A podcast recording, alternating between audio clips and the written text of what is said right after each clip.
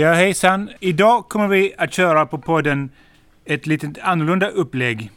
Vi har ett huvudämne som är miljöförstöring och klimat. Och sen så har Buster ett antal lappar som man ska dela ut i tur och ordning som vi ska diskutera om här runt bordet.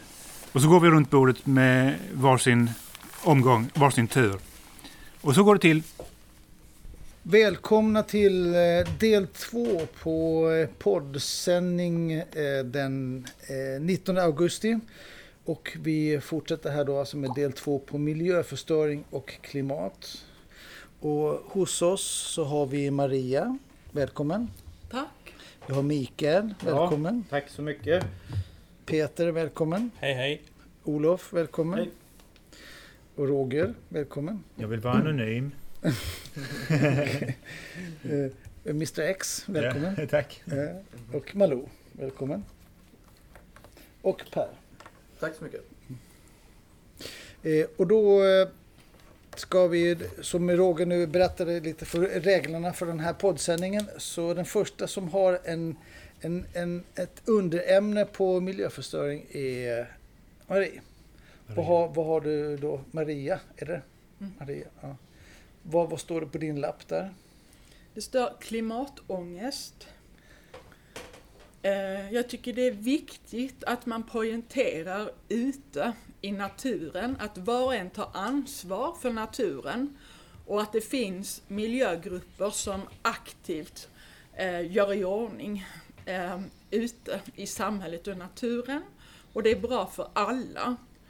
Och eh, sen finns det en, en, annan typ av ångest. Det är eh, i olika situationer och eh, grupper i samhället som lider av en form av klimatångest.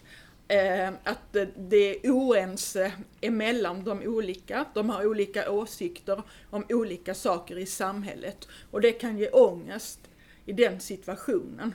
Och en annan form av klimatångest, det är kanske inom eh, politiken, där partierna inte kommer överens om eh, de viktiga frågorna och att eh, på så sätt så blir det lite annorlunda i diskussionerna där och det gör att det kan bli klimatångest där. Och eh, det jag också tycker, eh, eh, det jag också tycker är klimatångest, det är där det råder oense om vilket parti som ska styra i olika länder. Att eh, människor eh, lider på grund av att de har ångest eh, eh av förtryck och så, olika, av olika anledningar. Och det kan ge ångest i, i, i, i det sammanhanget. Ja. Så det var det jag ville det var jättebra. Och då har vi en kommentar på det med Peter. Ja, eh, så jag tror du var inne lite på det att klimatångest det kan vara jobbigt för personen och så, men det kan också vara bra för att eh, man blir mer motiverad att gå med på klimat, eh, klimatåtgärder och det kanske man kanske gör mer, mer, eh, mer bra grejer tack vare, jag, till exempel jag själv, eh, jag brukar inte ha klimatångest men jag fick det när jag hörde att Golfströmmen kanske ska sluta fungera och att vi inte ska kunna bo här i Sverige längre. Då kände jag att nej, det kommer påverka mig personligen och då fick jag klimatångest. Mm. Och då började jag tänka, shit alltså vad är det jag gör egentligen? Jag brukar ju hålla på mycket med miljövänliga grejer och så jag försöker så gott jag kan men nu blev det ytterligare ett steg. Och jag tänkte nej, alltså nu måste vi göra någonting alltså. Mikael? Eh, jag, jag, säger så här att jag förstår mig inte på vad du menar med klimatångest. Men det här, får man ångest, då kan man inte agera. Så ångest är inte bra. Eh, så har man klimatångest, nej då kan vi inte göra någonting. Eh, eller vad är det du menar med det? Ja, det var en bra, en bra tanke. Eh, Olof? Ja, jag vet inte hur. Det är sånt här modord som man inte riktigt vet vad det innebär, tänker jag. Ehm, att man, man har...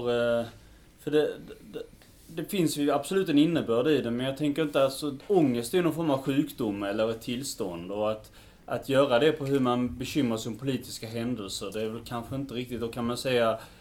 Kan man säga liksom så här och... Eh, politisk ångest eller omvärldsångest eller, eller liksom sådär. Så det blir just specifikt klimatångest tror jag inte det finns. Det, jag vet inte riktigt om man kan använda det eftersom det inte är någon diagnos. Och det är liksom lite sånt där modord. Jag säger inte att man ska sluta använda det nödvändigtvis men jag är försiktig med att använda det för mycket själv i alla fall. För jag tycker det är lite sådär modord. Hade du en kommentar på det? Ja, Peter? alltså då, jag, jag läste det på eh, Wikipedia att klimatångest används som begrepp inom psykiatrin faktiskt.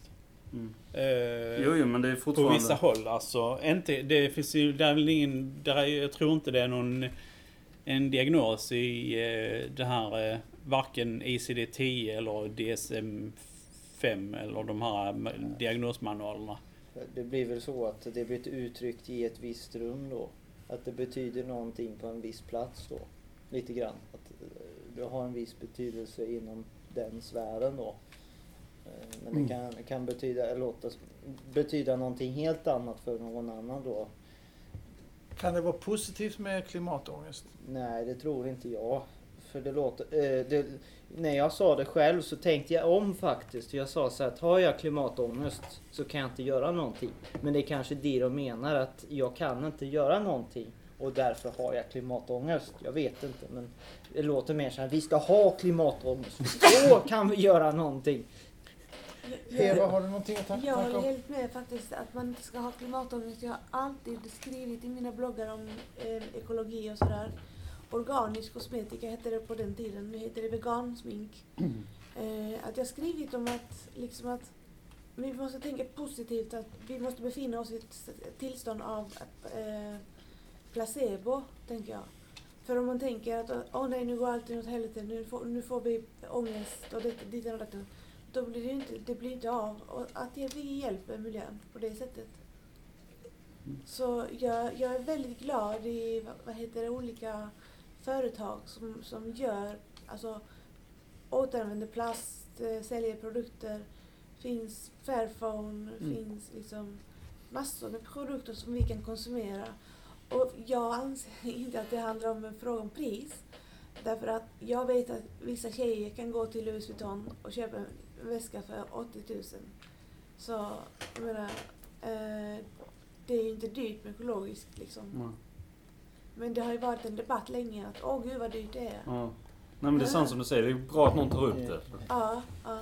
Ska vi eh, eh, gå till nästa Ja. punkt? Eh, eh, eller underrubrik. Då går vi vidare. Eh, Mikael, vad hade du på din lapp där? Eh, ska fråga mig sådär. Jo, det var så här att det står eh, överbefolkning.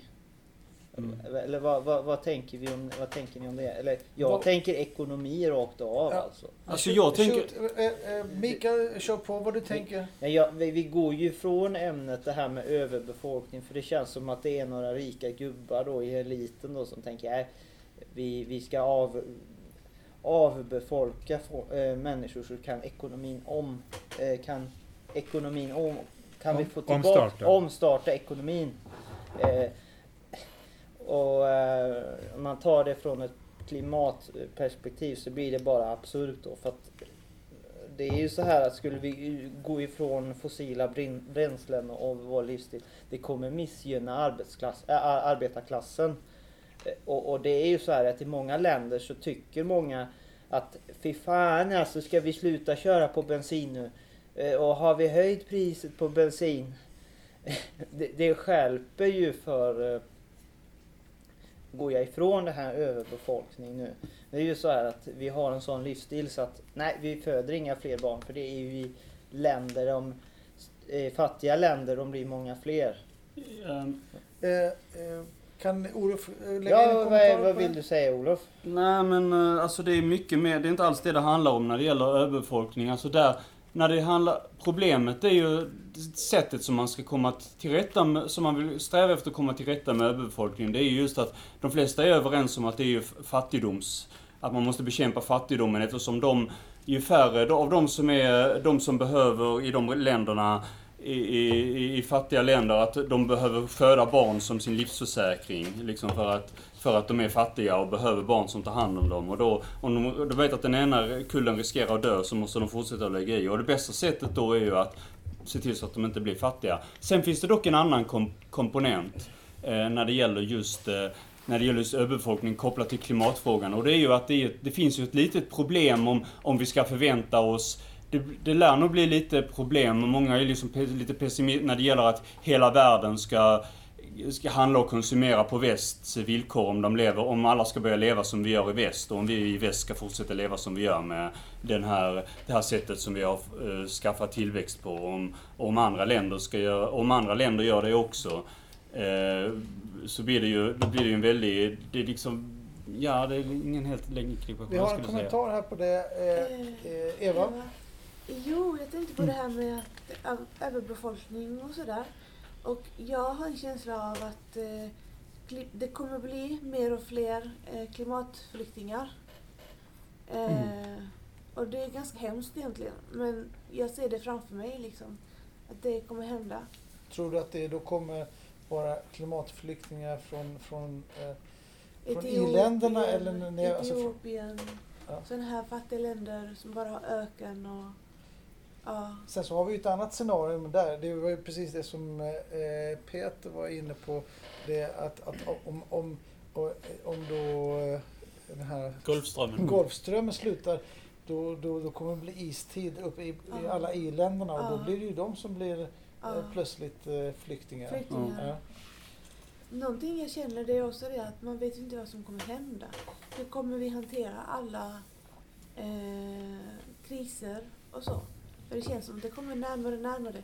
Nu var det vattenöversvämning i Gävle. Helt plötsligt liksom. Sånt har inte hänt innan. Och hur kopplar du det till eh, över, överbefolkning? Jo, men liksom de måste ju flytta därifrån. Precis. Alltså översvämningar är ju inget helt nytt. Det, har vi haft i, det har vi haft i Sverige under ganska lång tid. Och det gäller ju också var man, var, var man bosätter sig. Men däremot är det ju sant att man ska ju hålla, man ska alltid rusta för, för att extrema väder, så, så som det hände i Tyskland, att det kan mycket väl hända här i Skåne också.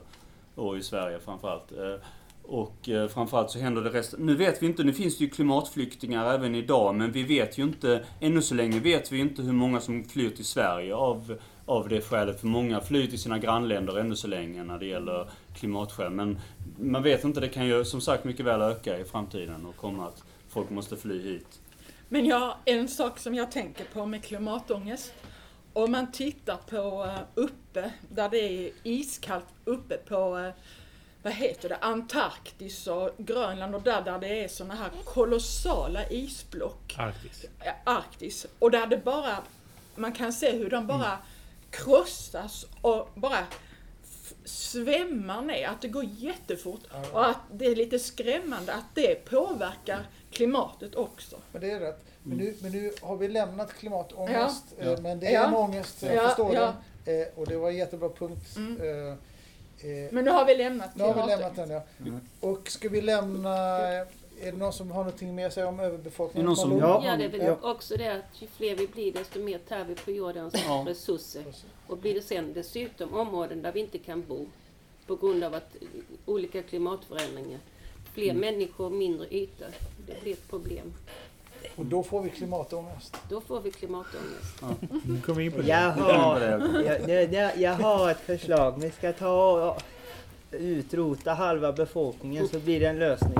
Nej, jag skojar bara. Det låter lite som han i, i James Bond, den här superskurken. Bl- vad Ja, ja. Eh, yes. Hur känner ni? Känner ni er redo för att gå vidare till Ja. någon annan under, underämne? Eh, Peter, vad har du till oss? Jag har fattigdom och överbefolkning. Det är ju också kopplat till fattigdom som eh, Ja. Olof så snyggt eh, förklarade. Eh, och eh, som det ser ut idag så är det ju mest de fattigaste länderna som, som producerar en massa barn. Eh, Fast det kanske är på väg att gå ner i och för sig. Mm. Det är på väg att minska den här över, över, överfödseln. Men fortfarande är Indien till exempel och de är ju väldigt fattiga i Indien.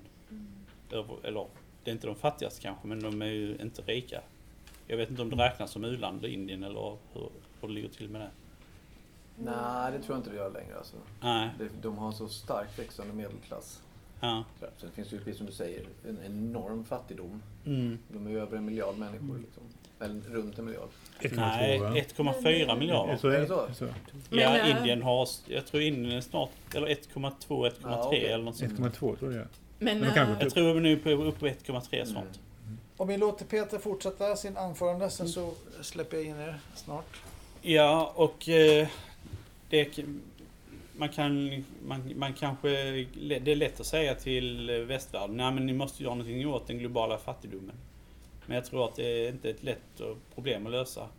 Så att eh, jag tycker inte man kan bara hacka på EU-länderna för att de inte gör någonting. Även om det, det, ju mer man gör desto bättre. Men jag, jag tror, för att komma tillbaka till överbefolkningen som var för, för förra punkt, så tror jag att överbefolkningen kommer att vara en stor faktor till att vi kommer att få en stor fattigdom framöver.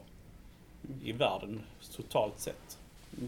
Ja, E- Eva hade en kommentar på det. jag håller inte med om att inte väst borde ta sitt ansvar. Jag sa att de ska ta ansvar, men det är inte så lätt. Ja, för jag, jag känner att eh, ofta så har ju väst, vi har ju råd med krigsmakt och JAS, Gripen och dittan och, och AI, men vi har inte råd att ge mat till afrikaner. Det är jättekonstigt. Vi, vi gör mycket sånt. Vi hade en, en, en kommentar här från eh, Maria. Eh, jo, det här med överbefolkning. Jag, jag tänker mycket på eh, det landet eh, Kina. Eh, där de, de hade som regel att de fick bara föda ett barn.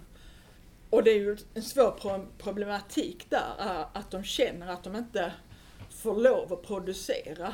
Att det har blivit eh, lite svårt, ett krav. Ja. Det är sant.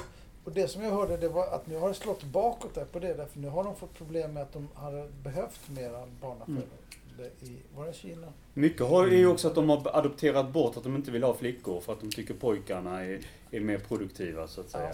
Att Mer de- det. Ja, mer Men värda det fanns ju tydligen, nu vill man ju att de ska ha mer än ett barn. Mm. Men nu finns det ett motstånd mot att ha mer än ett barn. Så Ja. det är många som inte vill hoppa på det här tåget Nej. med, med fler barn. Mm. Ja. Jag har en, sak som, som jag tänkte på där. Det, det, för, eh, för du pratade om fattigdom. Mm. Om man nu säger raka motsatsen, rikedom, eller vad man säger, någon som är rik. Eh, var, eh, för jag var ute och tittade lite och så, sen så var det så då, om, om miljöpåverkan. Så såg jag en sån, det hette på 5B, alltså bilen, biffen, bostaden, börsen och butiken. eh, och, och där var liksom sätt som man då som eh, svensk eh, statsmedborgare kunde eh, ha mindre miljöpåverkan. Och då slog det mig verkligen, shit, liksom, om man... Eh, att de som har mest miljöpåverkan, det är faktiskt de som har mest pengar. Mm. Att, eh, om man ser bilen till exempel. Eh, jag menar de som inte... Det är ju jättemånga, för bil är så jävla dyrt idag. Mm. Så att jag menar, de som inte har bil, de gör mindre miljöpåverkan då. Eh, Mm. och sen bostaden, jag menar de flesta har inte råd med bostad idag.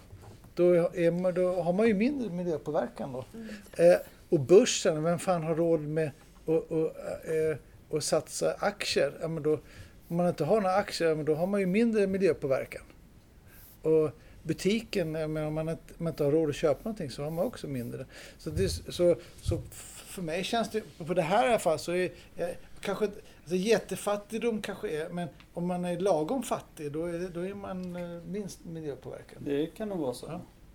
Eh, vad, vad tänker du Peter? Alltså, frågan är då, och vad ska de rika länderna göra? Ska de dela med sig av sina resurser så att de fattiga länderna får samma levnadsstandard som vi? Då kommer det bli en total katastrof på hela jorden. Vad de rika länderna behöver göra det är att gå och släppa, släppa det här överkonsumtionen Ja. och leva på ett fattigare sätt. Mindre, det tror jag, det mindre tror jag. överflödigt sätt i alla fall. Ett mindre överflödigt sätt. Alltså, Jo, vi, det är snarare vi som ska göra som de fattiga länderna gör, snarare än tvärtom. Eva? Jag har en idé på hur väst kan göra. Det finns jättemånga företag som gör detta redan och det finns eh, vad heter det, företag som odlar träd och folk köper träd i antingen presentkort eller att de ger bort träd, så att säga att det är mitt så kallade träd i Afrika då, i, Tans- i, mm. i Uganda och Kenya. Och det är ett viktigt, viktigt arbete därför att de länderna är ju krigsbefriade. Konfliktdrabbade länder kan man ju inte handla med men konfliktfria länder kan man ju handla med. Och då skapar man liksom en, en interaktion alltså med, med handel eh, som är bra. Ett annat exempel var den här webbläsaren Ecosia som för varje klick du klickar för de tjänar pengar på varje klick eh, så eh, planterar de träd. Till exempel. Mm. Sådana företag borde ju finnas. Eh, Maria, eller var det Olof? Nej, jag bara sträck- sträckte på mig. Sträckte på, ja. Maria. Eh, Jag vill bara säga en sak, det här med eh, överbefolkning och så. Och, och överhuvudtaget så är det alldeles för stora skillnader mellan fattiga och rika överhuvudtaget. Och det får aldrig mer förekomma att det är sådana skillnader. Och i USA så finns det fullt av hemlösa Mm. och där var en kvinna som låg på stationen och så skrev hon hemlös och att hon hade en svår sjukdom och hon hade ingen sjukvård alls. Hon hade ingen chans att få sjukvård för det, det är så kolossalt dyrt i USA att bli sjuk med försäkring där. Så det är bara ett exempel på hur stora skillnaderna är mellan fattiga och rika. Ja, men det är sant. Det, det, det är alltså, vi behöver ett helt annat system Fast vi nu har. går vi ifrån ämnet. Det handlar ju inte så mycket om... Jo, det handlar om fattigdom. Fattigdom Ja, jo men det är ändå... och miljöförstöring. Så, så det är, är faktiskt okej. Mm. Eh, vad sa Eh, du Peter? Ja, ursäkta att jag bröt in här utan att räcka upp Ja, handen. det är lugnt. Vi Eh, förlåter dig för den här gången.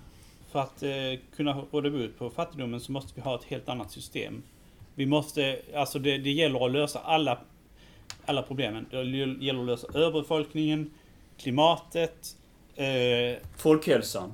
folkhälsan, fördelningspolitik. Alltså du kan inte ha när, när, när, när det är de som köper fem bilar och sen så grannen har inte råd att, att få sjukvård överhuvudtaget. Alltså det, det håller ju inte. Som det är i, i USA. Alltså jag förstår inte hur de inte kan gå ut och protestera över så som det fungerar där alltså. Det är många som gör också. Ja, Nej, men det, det är sant. Eh, eh, Mikael hade en liten hand upp där. Jo, alltså. Ja, jag säger så att jag blir förbannad. Jag känner mig förbannad alltså för att det här konceptet med fattigdom det, det, det, det, det är en föreställning då eh, om hur eh, att man eh, det kan vara ett bedrägeri då genom att säga så här, ja men jag är fattig. Nej det är du inte. Eh, eh, därför att det ser inte ut som du är fattig. Och, och problemet med det är ju det att i, många länder så är det inte de fa- fattiga som kommer till del utan det är bara de rika. Man utnyttjar de fattiga för att de rika ska bli rikare. Eh, och blir ju den här klimatfrågan bara en jävla spel för galleriet.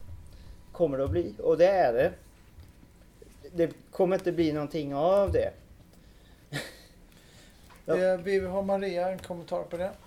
Eh, jag har en kommentar på det här eh, med, med fattigdom och överbefolkning. Eh, apropå det här med människor som är fattiga. Det finns ju olika typer av fattigdom, till exempel i Sverige. De som lider av någon svår fysisk eller psykisk sjukdom, som är i nöd, som behöver ha mycket bidrag och pengar och att de snålar in på att ge dem det de behöver. Att, att det blir en, en form av att över, det blir för många som blir i, i, i, i, penganöd kan man säga. Uh, ja ja, men det är jättebra. Nu, nu har vi eh, eh, nästan lika där, men vi börjar med Olof då. Mm. Ja. Nej men jag tänker man ska skilja, det är skillnader också absolut och relativ fattigdom. Alltså det vi pratar om, som du pratar om, de som inte har bil och sånt där och massa sådana saker. Bostad har väl de flesta, men det finns bostadslösa även i Sverige. Men där är det ju relativ fattigdom man pratar om, att man är relativt fattig i förhållande till... Ja, precis. Ja, Så det, och det är skillnad på relativ fattig... Sen är det svårt, alltså ingen, ingen fattigdom är ju oproblematisk. Alltså all... Eh, men det är ändå olika... Det är ändå av störst vikt den absoluta fattigdomen menar jag. Ja, nej, men visst. Vad sa du Peter? Ja, jag tänkte på det att eh, rika människor, de, de bryr sig kanske inte många av dem för att de, de, de är inte lyckliga. Även om de är rika så är de inte lyckliga. De försöker att döva smärta genom att konsumera. Kanske köper mycket droger Mm. Alltså, droger är jättedyrt. Eh, kanske är ute och köper massa kläder varje dag eller varje vecka. Fast jag vet inte, där är det ju ganska mycket, det är ganska många fattiga som, kö, som köper som, som köper väldigt mycket också. Kanske inte den här allra mesta lyxkonsumtionen men Men, eh, men det är ofta ett sätt att de som har, det finns ju nästan, det har nästan blivit en klyscha, de som lägger massa pengar på, som, som lägger massa pengar eh, som lägger en massa, eh, som har någon form av missbruk eller någonting och har så svårt att gå igenom men, men som ändå känner att de måste shoppa kläder och sånt där. Och en Ja, massa. men det är sant. Ja men är de fattiga om de har råd att köpa en massa grejer? Ja, det, fattigdom beror på inkomst. Om de, har, om de lägger, det beror på hur man, hur man lägger, hur man spenderar pengar. Jag anser att spenderar spenderar man det på droger och, och shopping och sånt, då är, man, då är man inte klassad som fattig. Man kan, jo, relativt fattig kan man Och klassa som i Sverige. hur kommer vi in på miljöpåverkan? På Ja, det är en bra fråga. Men... Ska vi gå vidare? Drog, vidare. drog, om vi säger droger då. eh, Hur kan eh, droger, finns det någon miljöpåverkan på det? Jag Ja, vet det vet vi kommer för långt utanför ämnet. Ja, jag har en jävla Ja. bra idé. Alltså vi ska förbjuda de rika till att vara rika utan vi bestämmer att alla rika ska bli fattiga. Så- Nu så- går vi vidare nu, tycker nu jag. så löser det klimatet. Nu går vi Då kan de vidare. inte överkonsumera. Nu går vi får Vi ska vidare. inte göra det lustiga över hela konceptet här. Eh, Ja. Och nu har vi, nu har vi Olof med en, Ja. ett nytt underämne. Global solidaritet. Och det är Yes. väl lite grann samma. Egentligen borde vi kunna ha, eh, banka ihop, för det är väldigt mycket varit ett och samma. då. Och det är ju, jag vet inte hur mycket mer man kan säga liksom i ämnet eftersom vi har varit my- mycket inne, inne på det mycket. det- här med hur man, eh, hur man delar med sig och hur liksom. Men man kan ju ha global solidaritet kopplat till klimat också. Eh, hur ska vi göra med de här klimatflyktingarna? Ja. Alltså, eh, Känns det och, och inte ska lite vi, positivt? och, och li- likadant, ska vi göra ännu aggressivare klimatpolitik så att vi inte kommer få så mycket flyktingar? eh, För att det finns länder som är mer känsliga Alltså eh, ett problem är ju att för klimatet. Ett, pro- ett problem är ju att de har, eh, det är Kina som står för, står för en stor del av utsläppen. Eh, uppenbar, och de har, inte for, de har inte lagt ner under pandemin så mycket som man hade hoppats. Och då, och då är det ju många som menar att ah, vi behöver inte göra någonting, vi i EU. Det är ändå Kina som gör det värst. Jag vet inte om det håller, men faktum kvarstår ju ändå att om det är väldigt mycket som håller på Kina så kan, blir det ju ensidigt om en grupp ska bara... Vad var det det handlade om? Global solidaritet. Ja. Ja, alltså det, sen eh, Facebook dök upp så har ju världen förändrats helt. Alltså, eh, man började med appar, man började med smartphones och det underlättar för att se nyheter från andra länder. Om man är nyfiken kan man ju leta den informationen över hela nätet. Okej, nu censureras en del så det är inte helt demokratiskt men, men det funkar i alla fall ganska bra. Och en grej jag brukar säga när jag pratar om globalisering eller det behöver inte handla om kapitalism utan det kan ju vara globalisering av, av eh, klimataktivism. Vi kommer till det sen när vi pratat om det. Eh, vad jag skulle säga? Ja, men eh, ja. Men om man nu säger eh, global, vad vad hade du? Glo, global? Ja. Global solidaritet. Ja, om vi Ja. säger nu global solidari- solidaritet, för mig så låter det ändå lite ljusning i tunneln och positivt. ja. Eh, finns det några ljuspunkter i den här klimatpolitiken och där vi är nu? Alltså vi har jättemånga människor som vill hjälpa till nu. Alla blev ju väldigt glada i eh, Greta Thunberg. Hon har ju sagt väldigt tydligt, satt ner foten. Och det är många som följer henne. Och grejen är den att man måste samarbeta mellan olika gräs, grä, vad heter det? Gräsrot. gräsrotsnivå. Olika organisationer kan samarbeta med varandra. Jag brukar säga så här att det heter kanske inte global, globalt eller lokalt men det kan heta glokalt. Mm. Klockanet.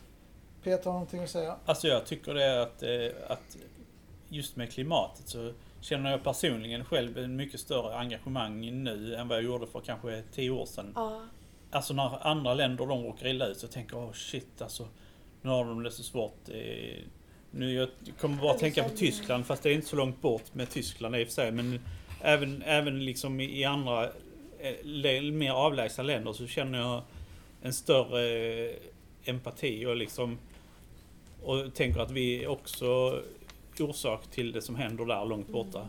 mm. Och Jag, jag ska bara gå, innan Marie kom in så tänkte jag bara, eh, för jag blev lite berörd på det som du sa innan, för du sa precis, alltså egentligen inte om det här, det var att plöts, plötsligt så, så, så tyckte du att, ehm, att ja, men du sa det på så bra sätt, att eh, plötsligt nu så kände du att eh, det var på riktigt eller att du måste göra Ja, det någonting nu. Mm. Eller att det, det känns... Eh, och så tror jag nog att det är många som, som börjar känna ju- just det här. Också det som du var inne, inne på, att om det är någon som gnäller på eh, och nu måste jag betala mer i, i, i oljepris eller bensinpris. Men samtidigt om man då har haft en, en gård som har brunnit ner i grannbyn liksom, så bör man inse att ja, men det, är inte så, det är inte det viktigaste om bensinpriset går upp utan nu måste vi verkligen göra någonting tillsammans. Mm. För annars så går världen under. Så att det är lite mer på verkligt, eh, känner, känner jag att det Mm. Eh, vad sa du med det? Jo, det här med solidaritet, global solidaritet. Att eh, det är så oerhört eh, en stor skillnad hur olika länder ser på hjälpen.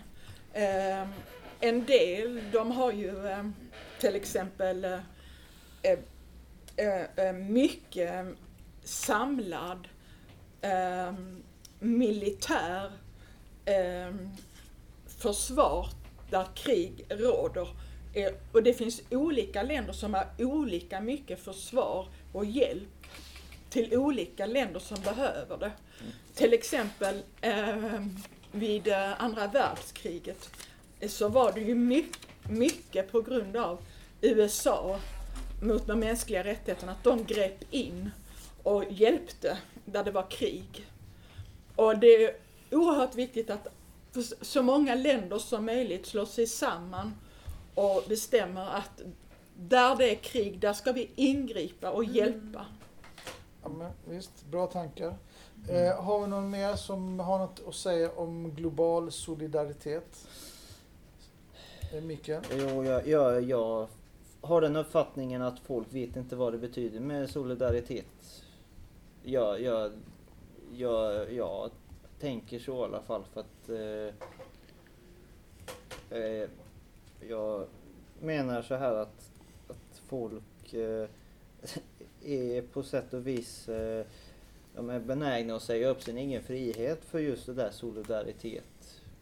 Jag, jag, jag, det är bara jag som tänker så men nej jag vet Nej, men det är nog så väldigt mycket inom vänstern. Man, man ger upp en del av ens liv för att bli revolutionary bum. Men vad händer på efter, vad, vad händer sen liksom? Jag, eh, vänstern är ju liksom, nej jag ska inte snacka, jag ska, ja, nej jag vill inte vi pratar om vänstern för då kommer vi ifrån ämnet här. Ja, men det är säkert. Ja. Men, Men- men just det där med, nej det, det är bara ett, ett ord liksom, vad betyder solidaritet?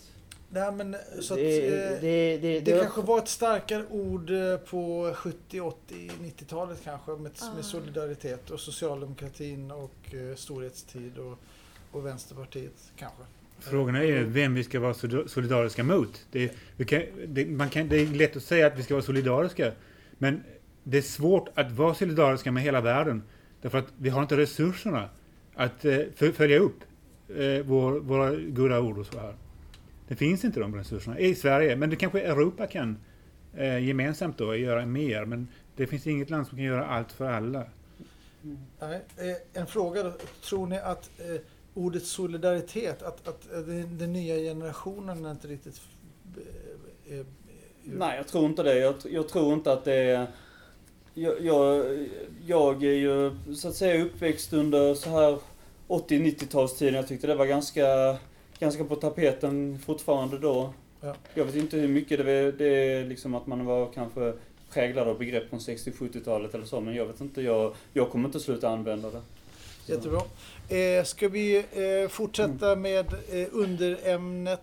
Greenwashing. Greenwashing. Ja. Shoot. Och jag fick precis förklarat för mig vad det var. Eh, Det var, kunde betyda två olika saker, men jag tänkte ta upp ett speciellt som jag reagerar på.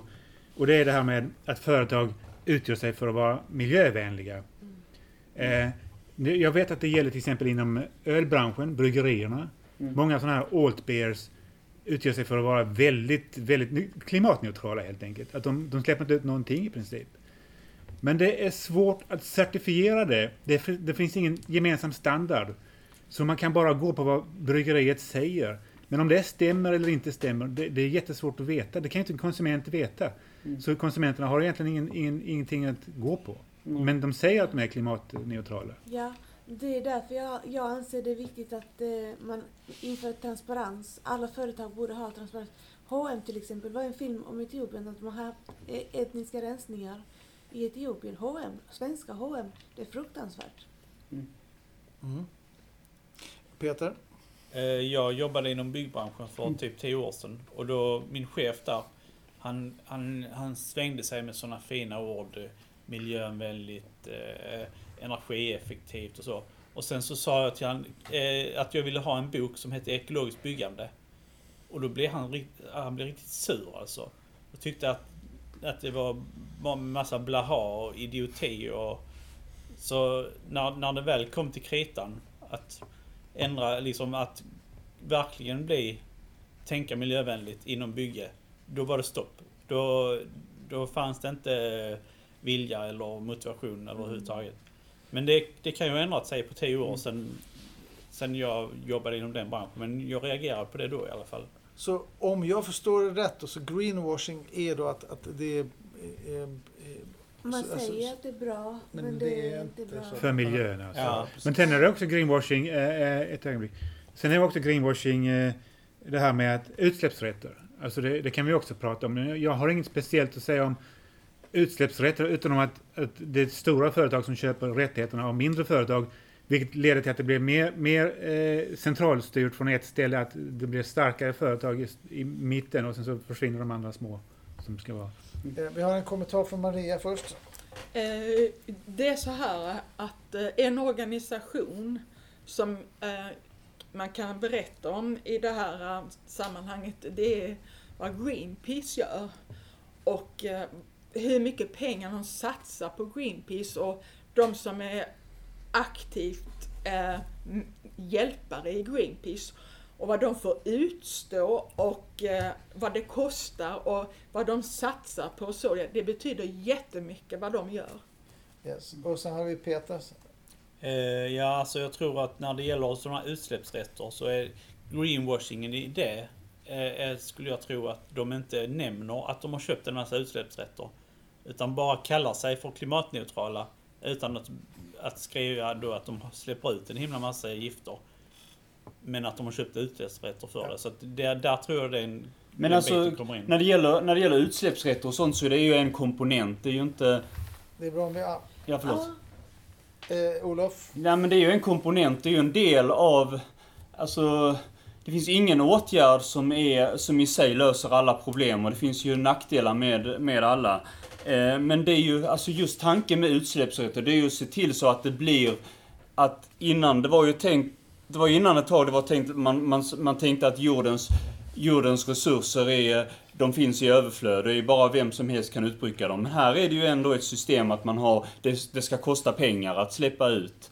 Eh, sen är det klart att det är ju inte, det löser ju inte alla problem, för det är som sagt, det kan ju, de kan ju fortfarande köpa pengar och släppa ut en massa. Det är därför man måste ha såna här också, eh, att man, att det, man har pris, man har, man har liksom moms och man har, man har förbud, och man har så sagt transparens och man har eh, förbud mot vissa produkter och, och sådana saker, och, och beskattning så att säga. Ett, ett svar på det. eller, För jag läste precis ett reportage. eh, För jag gick in och var int- intresserad av alltså just med Greenpeace också. Jag tänkte så här liksom. Greenpeace, är det bra eller dåligt för eller emot? Ibland hör man ju otroligt bra och ibland hör man otroligt dåligt. Men, jag kommer, men där var det också ett, reportage från Greenpeace där de sagt eh, tre, tre dåliga saker är bra för miljön. Och då, då var det tre stycken oljejättar eh, eh, där de hade fått eh, slut på, borra slut på olja och var tvungna att lämna. Och sen var det på något ställe där ortsbefolkningen hade jobbat så mycket mot det. Så att, eh, eh, och då hade de då tyckt att det skulle kosta för mycket att borra där. Så Mm. att, eh, lite av det kan det ju vara positivt. Ja. Att, att just att om ett företag ser att, eh, alltså, ett företag går ju mycket efter profit. Om de då ser Ja. att det blir för dyrt med utsläppsrättigheter och sånt, så till slut så måste de ju tvingas till att Ja. tänka på ett annorlunda sätt. För pengar, Mm. money talks.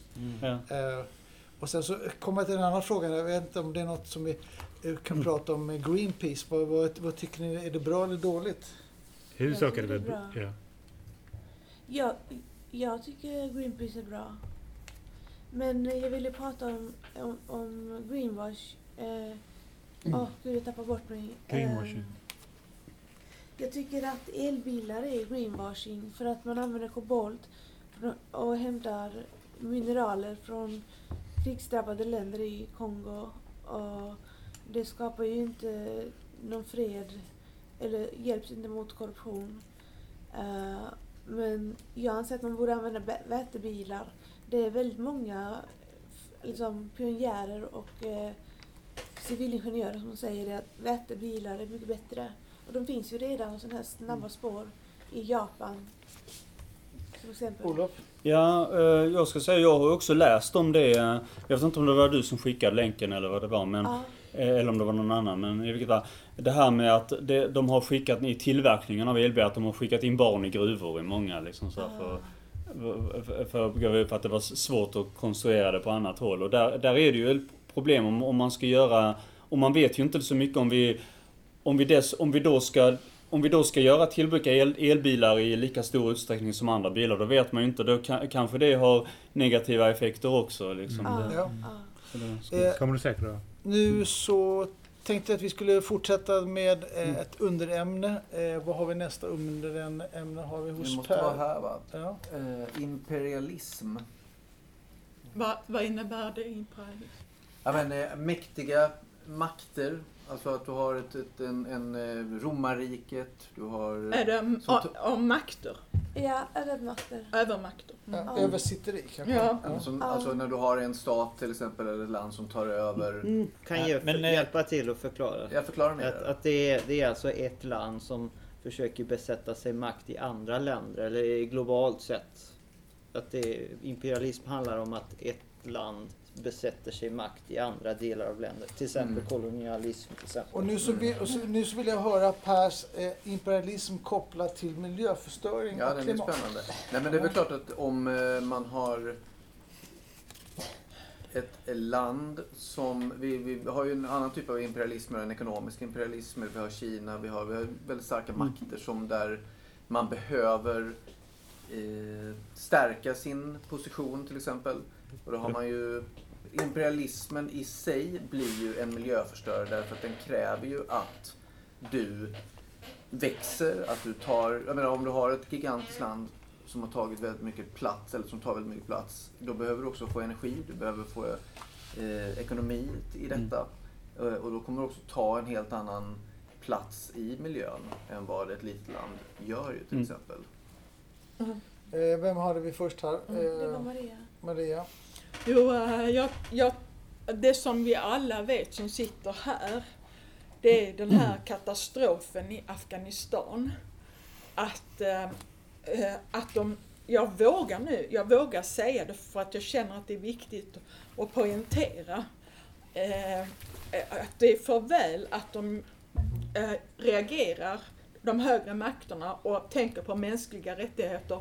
Vad de har för rättigheter i sitt land och där man inte kan bara gå in och förstöra deras rättigheter. Som, och jag tycker inte de gör rätt, talibanerna, att de försöker förstöra för de som bor i Afghanistan. Det var bara en poängtering av vad jag, vad jag känner i den här oerhörda konflikten. Ja, men jättebra. eh, Eh, nu hade vi Olof först? Eller? Nej, jag var först. Ja, Peter var först.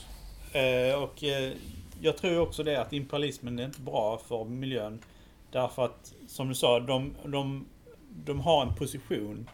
Och den positionen vill de inte släppa. släppa. Så de suger ut andra länder och hela, hela samarbetet med klimatsamarbete och sånt kan bli lidande för att de ska ha sina resurser. Och Kina, de, jag, jag hoppas verkligen att Kina kommer att bli eh, mer eh, miljövänligt och att de, alltså, så att de inte blir nästa imper, imperium på jorden som suger ut hela jorden. Och, Är de redan? ja, de, bör, de är väl på god väg till att bli det i alla fall. Så, Olof? Eh, nej men där Afghanistan är det ett exempel, eh, bara för att nämna det som kuriosa kan man säga. Där, där var det exempel på maktspel då mellan, Rys, mellan Sovjetunionen och nu USA som tävlade om territorium. Och det var, det, det var, då, det var framförallt Ryssland då som slog en kil i, i och, eh, i, i, Afghanistan genom att stötta en regim så skulle USA stötta en motregim och det var så det började. Men där är ett ex exempel när vi ser till Irak till exempel så är det ju att det, det är ju många som menar, nu vet eh, nu, nu vet jag mig inte, nu, nu finns det ju många teorier om att Bush eh, liksom så var så här drevs av blodtörst efter olja eller sådär. Det vet jag ju inte riktigt hur det, hur det just han, involverad just han var. Men mycket pekar ju ändå på att de hade, det var mycket lobby för att gå in i Irak. Att man ville ha, att det var oljebolag som pröjsade för att man ville, för att man ville åt oljan. Så att säga, Ja, jättebra. Roger? Jag ville förtydliga det här med imperialism. Det är det här. När en stat är tillräckligt stark eh, i förhållande till en annan stat och de har intressen i den staten, eh, mineraler eller något sånt där, och, då, och, då, och det inte finns tillräckliga starka institutioner i det lilla landet eller mindre landet eller det svagare landet. De inte har tillräcklig kunskap eller, eller insikt eller vetskap om vad som händer. Då blir det en imperialistisk eh, stat, den större staten. Det, det är liksom... Det har nog ingenting med moral att göra, det har mer att göra med realitet liksom. Det är så det, det starka landet gör det. det. Det spelar ingen roll om det är USA eller om det är Kina. Det blir så. När det inte finns starka Mm. institutioner i ett land. Ja, eh, det är ganska intressant att alla länderna försöker ha makt över varandra. Eh, det är ju den enda anledningen till varför toppmötena aldrig fungerar, toppmöten om miljön. De sitter ju där i en sandlåda och skriker att vi ska göra någonting åt detta men det händer ju ingenting för det, alltså, toppmöten om miljön har ju förekommit i 30 år ungefär. På 90 ni- 1900-talet. Eh, men de kommer ju inte någon vart för de vill ju inte släppa sina, sina egna eh, ekonomier. Eh, alltså jag känner att imperialism eh, inte går hand i hand med eh, klimat och Nej. miljöförstöring. Det Ska vi ta nästa ämne? Eh, nej, jag håller, jag håller på att Ja. säga någonting om det. Ja, ja precis. Eh, eh, så, så att... Nej, men just att im, imperialism känns som att eh, det- då, eh, det, det är det att då för, försätts det landet i något undan, typ av undantagstillstånd och i det här tillståndet så finns det inte plats för demokrati och eh, eh, ett arbete med miljön utan det känns som för, någon sa innan, en, ut, en typ av utsugning utav landet. Och, och då Mm. blir det miljöförstöring. Ja. Det tänkte jag. Eh, nu går vi vidare. Eh, om det inte är någon annan som Nej. har någonting att säga om, om eh, eh, imperialism. Eh, nej, men det, vi har in aktivism här. Nästa Då kör, vi, då, då kör vi på nästa underämne. Och det Ja. är Vad är Eva det som för- börjar. Vad är det för Nej, det är ämne? aktivism. Det är Eva. Aktivism. Aktivism. Ja. Eh, det var någonting jag tänkte säga, fast jag hade glömt om aktivism. Jag tror det är ganska viktigt att många olika organisationer går samman och skapar en hel enda stor enhet av eh, samarbete. Lite som boken Gaia, eh, som handlar om hur skogen, djuren sammans, eh, samarbetar. Eh, så det håller ju på att ske en stor klimatrevolution. Det är jättemånga som är intresserade. Men sen så är det ju alltid så. Ja, men någon annan kan göra detta. Jag behöver inte vara aktivist. Men egentligen behöver ju alla vara aktivister. Eh, Peter? Jag tror att många de går runt i en vardagslunk och de, de är inte ens medvetna om att de skulle kunna bli aktivister. De bara Ja. går runt och de, de går till jobbet, de går, äter på restaurang, de går hem, de sover. Och så går det så dag efter dag efter dag. Det blir en vana liksom som, som, som de inte kan bryta. Därför att de är, de är så vana vid det bara. Alltså begreppet aktivism har ju fått en lite negativ klang på sistone för att det, det förknippas med eh, folk på myndigheter eller institutioner som, driver, som använder sin plattform för att driva en agenda. Det är lite synd att det ska behöva vara så för aktivism är egentligen någonting som vi har, som vi har ju sysslat med alla tider när vi vill ha, när det är gräsrotsrörelser som vill få någon förändring för någonting. Och det gäller även i detta fall att det Jo, aktivism. Jag tänker på dels de som sitter i riksdagen och har eh, makt att uttrycka sina åsikter. Att då kommer det en form av aktivism från dem ut i samhället. Och eh, en annan form av aktivism, det är de som har högre poster i samhället som eh, hjälper människor i olika grupper. Som eh, till exempel de som eh, eh, eh, är chef för företag eller de som är läkare eller professorer eller de som har, eh, har en möjlighet att påverka många olika saker i samhället. Det vill jag kalla för Ja, en men sak av aktivism. Nu har vi först, eh, Mikael hade en liten hand uppe, vill du säga någonting? Jo, jag tänkte fråga så det, det, det, känns, det känns ju lite... Jag undrar, är det någon här som hade kunnat tänka sig bli klimataktivist? För det var ju... Jag är klimataktivist. Nej, men det var så här att jag vill inte göra någonting, då kan någon annan göra det. Ja, det är att tänka så. Jag, jag är bara nyfiken på, okej, vad, vad gör du då? Vad har du gjort? Får jag fråga? Jag är nyfiken liksom. I rätt sammanhang hade jag kunnat bli det också. Ja, vad fan, okej, Men- det här är aktivism. Då ska vi fan Men göra alltså, någonting Det och finns sitta... olika typer av aktivism. Man behöver inte vara så här att klä sig i svart och kasta stenar. Ja, jag vill veta Det det. Jag, jag är nyfiken. Själv, själv gick jag in på fairtrade.se och sa till dem att jag ville utbilda mig i deras utbi- utbildningsprogram. Så jag utbildade mig till eh, eh, eh, vad heter det, Fairtrade-ambassadör. Sånt är ju lätt att göra för det, det, tar, det tar en vecka och sen vara färdig. Och det är jätteroligt. Aktivism, aktivism är för mig kanske inte riktigt det du sa Maria. Det här med att, med att regeringen och riksdagen och så gör saker. För mig är det alltid från eh, Ja. gräsrots eh. Alltså det kommer underifrån. Du kan du, ta exempel med Greta Thunberg. Hon kom underifrån, men hon lyftes fram av media och hon, Ja. blev en viktig aktivist. eh, Hon var alltså en gräsrotsperson. Så tror jag i alla fall att det var. Mm. Jättebra. Eh, Peter? Ja, just det. Och aktivism. Alltså jag tror ordet från början kommer ifrån att det handlar om demonstrationer och sånt där. Och aktioner. Det kan, det kan vara som de här som eh, släpper ut minkar och sånt. Men jag tycker det finns en dålig aktivism också som kanske inte är riktigt genomtänkt. Så det gäller att göra bra aktivism om man ska göra aktivism. Som, som, har, som har effekt. Som inte skadar eller förstör. Och som inte, ger, som inte gör folk arga. Utan engagerar folk och gör folk förhoppningsfulla att, det, att man kan lösa problemen. Precis. Mm. Eh, Olof? Med risk att låta hård nu, eh, eller så, eh, i, i bedömningen vad, vad jag ibland tycker att vissa klimataktivister skjuter sig själva i foten. Det är det är det här, då framförallt kanske den, de allra yngsta, när det är sån här, framförallt om det är sån här typ influencers som, här, som ska peka mot hela vuxenvärlden. Ah, du, är, du, är, du är en fossil eftersom du är, eftersom du är boomer så är du en fossil och du har ingenting att säga. Men jag, och jag är minsann, och du ska minsann inte flyga, men själva ska vi minsann flyga. Vi har minsann rätt att flyga runt hela världen och, bekrä, och berätta hur förträffliga vi är.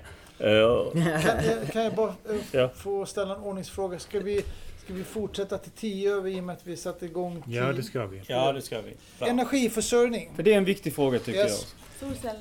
Eh, jag. Eh, ja, där är det ju den där frågan. Det är väl du som ska få hålla ett ja, anförande? nej, men eh, jag...